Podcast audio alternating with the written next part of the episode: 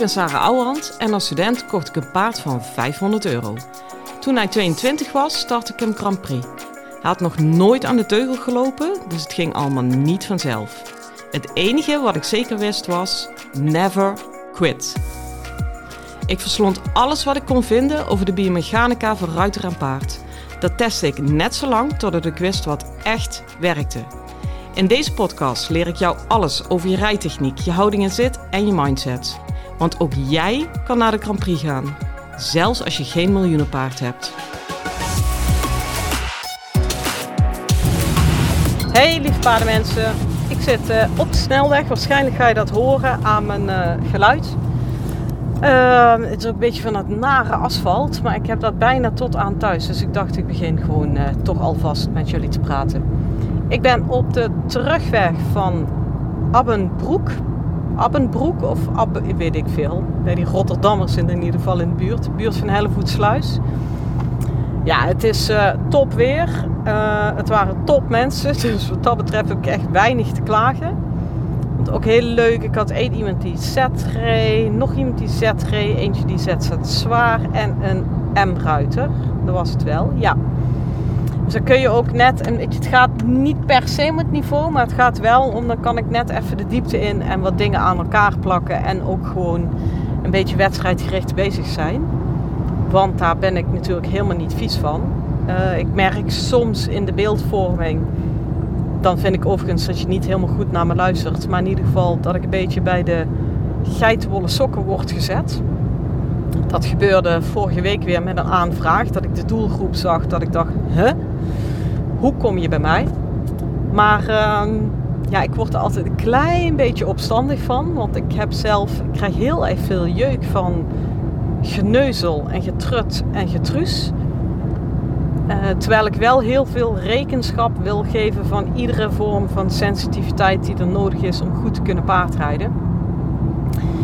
Maar dat betekent niet, weet je, met aaien en een appeltje ben ik ook niet in de Grand Prix gekomen. Hè? Dat is eigenlijk het punt dat ik een keer uh, wil maken. Uh, dat betekent dus niet dat ik niet door kan pakken of niet een keer scherp kan zijn of je een keer de baan, door de baan heen kan jagen. Uh, ja, sterker nog, ik denk, ja, weet je, in de basis BLM.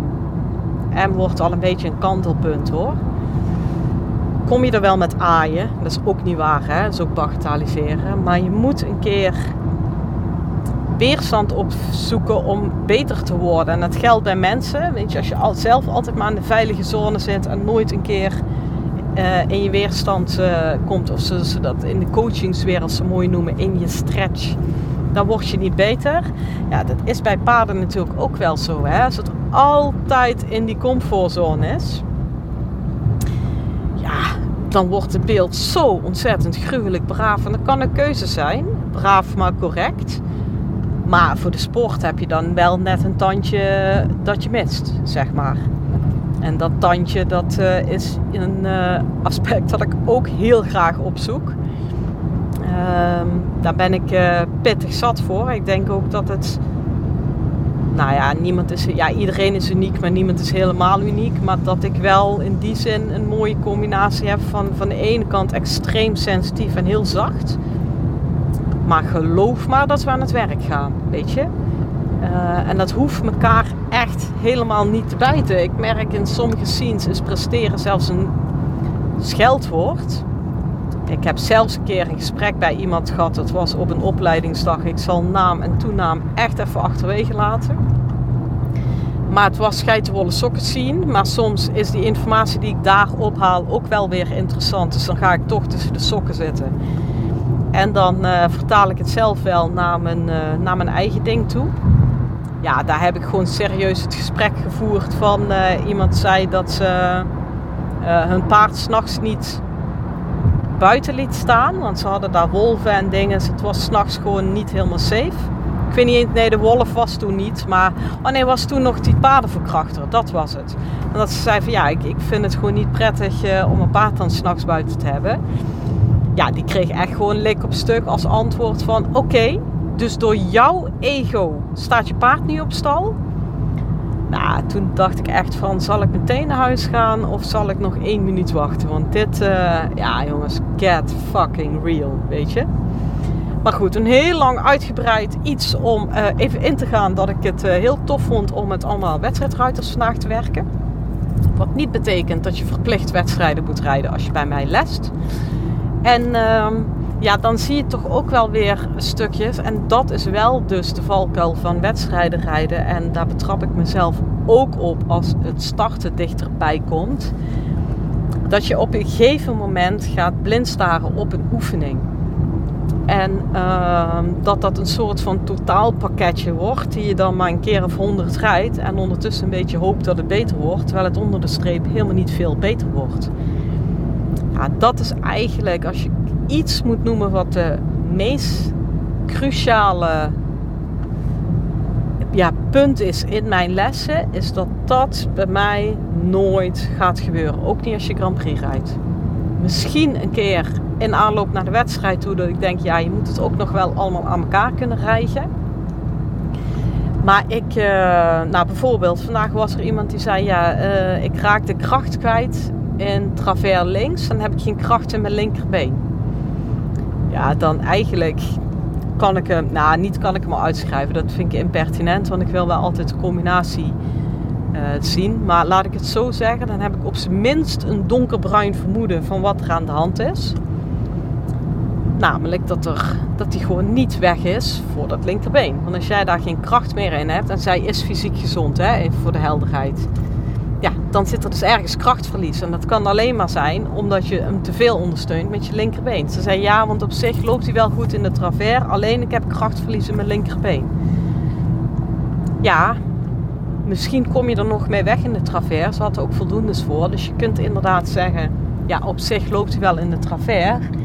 Maar ik denk, zoals je weet, altijd meteen een paar stappen verder. Want ik denk dan, hoe on earth ga jij dadelijk een appartement rijden? Want dan moet hij nog meer doortrekken voor de buitenbeen. En uh, als jouw been er nu al afvalt in de M1, ja, dat wordt hem niet natuurlijk. Maar ik ga dan nog drie stappen terug. Want ik zette haar, uh, eigenlijk maakt het mij niet uit, links of rechtsom op de volte. Gewoon in draf, gewoon licht rijden. Uh, maar laten we voor het gemak even linksom maken, want dat maakt het voorbeeld het duidelijkste. Nou, dan zeg ik, nou, ik zie sowieso al dat die linker ribbenkast, die linker romp is, staat gespannen tegen jouw linkerbeen aan. Uh, rij hem nou eens naar voren vanuit het linkerbeen. Nou, je raadt het al, er kwam niet tot nauwelijks reactie op. En als er iets op kwam, dan was het half bakken of zijwaarts. Terwijl ik wil dat hij vanuit met het linkerbeen via de linkergrond doortrekt naar de linkerkaak naar voren toe. Dat is reactie op het linkerbeen. Um, dat was er gewoon echt niet. Maar heb je het weer, in de volte valt het niet zo op, in de schakelen, -hmm. want wat deed dat paard? Die ging wel vlugger in de benen worden op het linkerbeen. Maar het ging niet naar voren. Dat is ook altijd verwarrend, terwijl het niet verwarrend zou moeten zijn. Dus de ruiter stopte ook met drijven op het moment dat het tempo hoger werd. Maar ik stop pas met drijven op het moment dat die bovenlijn naar voren toe verlengt. Of dat het bit nog wat meer aanneemt. Snap je? Dat is voor mij het goede antwoord op been geven. En daarom haal ik mijn, been, mijn beenhulp niet weg als ze alleen maar vlugger worden in de benen. Ik wil dat er bovenin iets gebeurt. En daar zat haar denkfout. Zij had een uh, Welsh kop. Het zijn natuurlijk hele, wel een hele gave hoor trouwens. Pikzwart met vier witte voeten. Maar uh, ja, die Welsh kopjes zijn natuurlijk hartstikke compacte paden. Uh, waardoor het ja, die, die, als, als die maar even een beetje hun hoofd knikken, lijken ze naar geeflijk of over de rug. Uh, ook omdat ze zo massief zijn, terwijl ze het gewoon eigenlijk niet zijn. Dus bij die van mij hetzelfde. Voor de beeld kan ik best veel smokkelen, maar ik weet precies wanneer hij zijn rug wel of niet gebruikt. En daar liet zij zich ook een beetje door uh, vangen. Want hij, hij ging nou even wat vlugger in de benen, maar die hals bovenin werd niet langer. Terwijl die al ietsje te kort was. Dus eigenlijk heb ik dat met haar continu gedaan. Van ja, weet je, ik wil dat je echt reactie krijgt op je linkerbeen. En echt in de bovenlijn, in het hele lijf, dat die linkerkaak loskomt. Dat hij naar voren toe dat bit aanneemt en daarin ga je schakelen. Gewoon op de linkervolte. Um, nou ja, weet je, dit zeg ik nou in drie zinnen, maar hier hebben we zeker een half uur op gepuzzeld en op je geneuzeld, wou ik zeggen. Maar dat is nu natuurlijk helemaal niet het goede woord. Om daar echt goed in het reactievermogen te krijgen. En toen zei ik, nou, wat je nu doet, en ik had haar van tevoren nog geen travers zien rijden. Ik zeg, nou, wend nou eens af naar, uh, nee, je hoeft niet eens af te wenden, want we zaten op de linker volte. Ik zeg, nou, en rij nou eens even travers links. Nee, wacht even, travers rechts. Sorry, want het linker achterbeen was ze niet scherp genoeg op. Dus het buitenbeen en daar moet ze op doortrekken in die travers. Maar ik zei, nou rij nou eens een travers. En tada, die travers was beter. En ze had geen krachtverlies in dat linkerbeen. Um, deze manier van denken, als je al mijn podcasts volgt, hoeft niet nieuw te zijn. En ik blijf hem er toch in timmeren. Um, omdat als je ik ben heel autodidactisch van mezelf. Ik ben, of, of ik pluis graag, of hoe je het ook wil noemen.